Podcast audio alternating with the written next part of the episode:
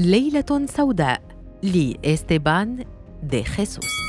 كان إستيبان دي خيسوس ملاكما بورتوريكيا بطلا عالميا للوزن الخفيف وكانت حياته مليئة بالجدل والمشاكل والفضائح.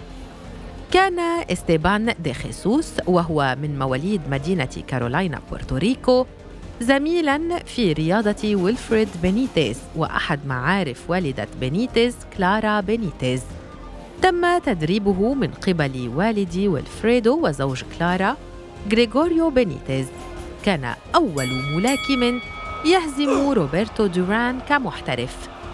خاض خلال مسيرته 63 نزالا فاز ب 58 وتعادل بصفر وخسر في خمسة وفاز بالضربة القاضية في 33 نزالا.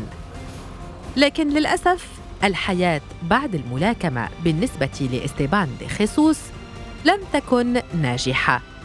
في عام 1981 أدين إستيبان دي خيسوس في مسقط رأسه بورتوريكو بقتل صبي يبلغ من العمر 17 عاماً.